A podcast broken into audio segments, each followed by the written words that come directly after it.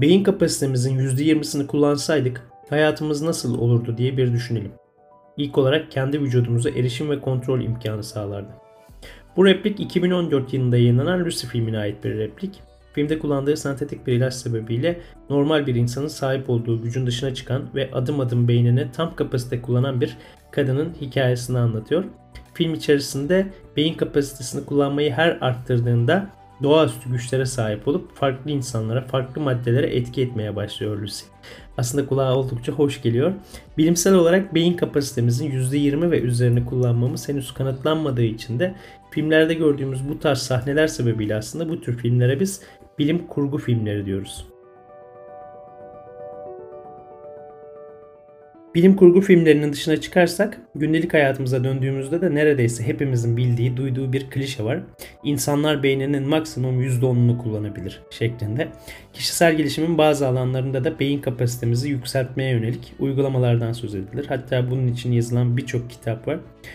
Buna inanmak herkesin oldukça hoşuna gider çünkü geri kalan %90'ı da kullanmayı öğrendiğimizde daha zeki, daha başarılı, daha güzel, daha yakışıklı olacağımıza dair inançlar barındırırız. Peki bunlar klişeden mi ibaret yoksa gerçek mi? Gelin bir bakalım.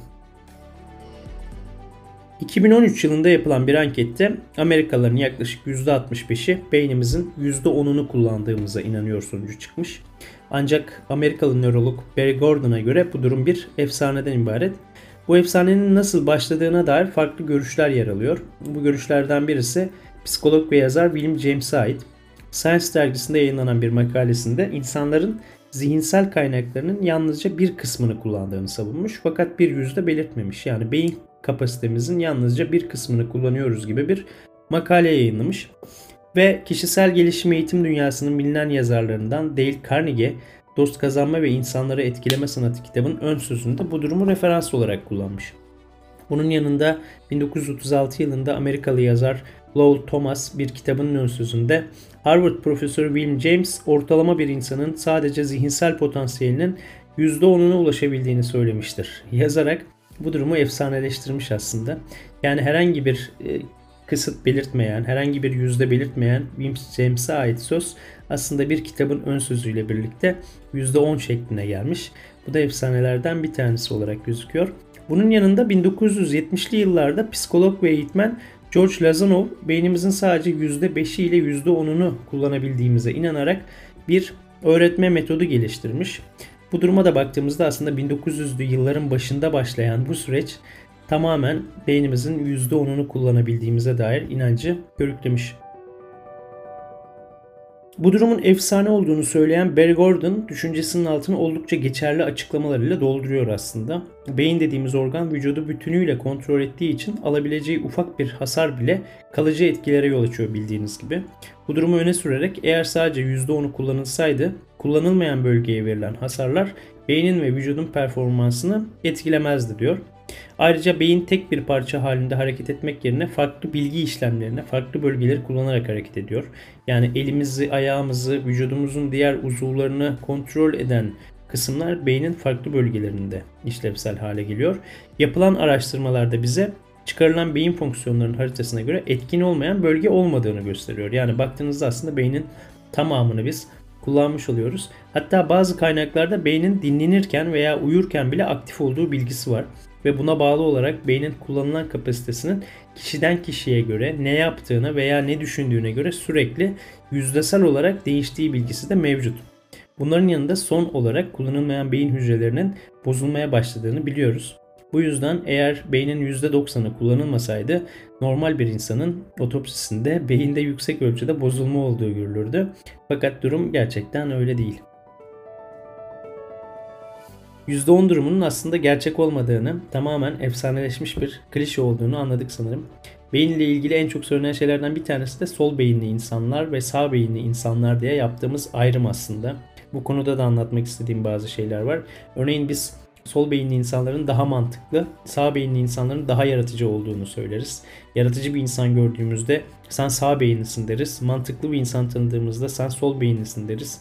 Hatta sol beynin okuma, yazma ve hesaplamaları yönettiği, sağ beyninde doğrudan yaratıcılığa etki ettiğini söyleriz. Bugüne kadar aldığım birçok eğitimde de genellikle bu konulara değinildiğini gördüm. Toplum içerisinde de bu tür eğitimlerin çıktısı olarak insanlarda bir tarafın baskın olmasına dayalı olarak da sen sol beyinlisin, sen sağ beyinlisin gibi bir teori ortaya atıldı. Popüler bir teori oldu aslında bu.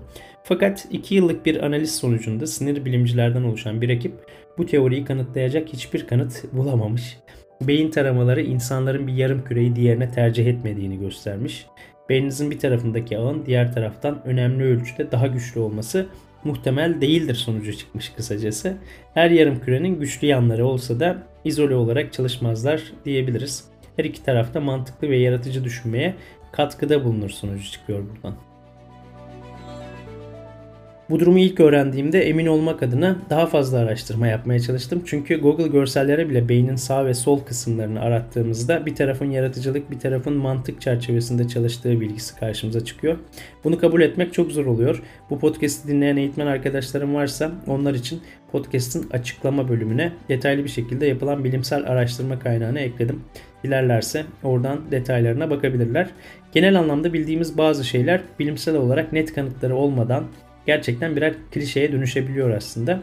Fakat beyin sağlığını iyileştirdiğimizde hayatımızda gözle görülür şekilde iyileşmeler olduğunu da görmeye başlayabiliriz.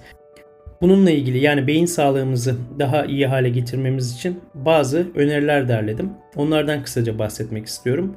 Bunlardan ilki aslında kilo alan herkesin mutlaka söylediği şey diyet yapmak. Ben diyet yapmak istiyorum deriz genelde. İyi dengelenmiş bir diyet genel sağlığın yanı sıra beyin sağlığını da iyileştiriyormuş. Ve bu konuda önerilen bazı yiyecekler de var. Tüm yiyeceklerin detayına girmek yerine beyin sağlığı için katkı sağlayan ana başlıkları paylaşacağım. Detaylarını da yine açıklamaya yazacağım. Belki merak edenler olur. Bunlar 4 maddeye ayrılmış. E vitamini yüksek meyve ve sebzeler, beta karoten içeren yüksek meyve ve sebzeler, omega 3 yağ asidi içeren deniz ürünleri ve tabii ki beyin deyince olmazsa olmaz ceviz. Bu bir klişe değil en azından. Ceviz de beyin sağlığını gerçekten iyileştiriyormuş. Bunun yanında egzersiz yapmak, düzenli fiziksel aktivitelerde yapılan şeyler aslında bunamaya neden olabilecek sağlık sorunlarını azaltıyormuş. Bu yüzden spor da hayatımızda bir şekilde yer almalı diyor bilim insanları. Son olarak satranç, puzzle gibi oyunlar beynin iyileşmesi ve daha sağlıklı hale gelmesi için oldukça faydalı diye de önerilere eklenmiş. Az önce saydığım maddelerden her biri bilimsel olarak tespit edilen ve kanıtlanan maddeler. Bu yüzden beynin yüzde kaçlık kısmını kullandığımız sorusunu bir kenara bırakıp beynimizi en sağlıklı ve verimli şekilde nasıl kullanabiliriz? Buna odaklanmamız daha iyi olacaktır. Bugün bir klişeyi daha yok ettik diye düşünüyorum. Diğer bölümlerde görüşmek üzere. Beyninize iyi bakın.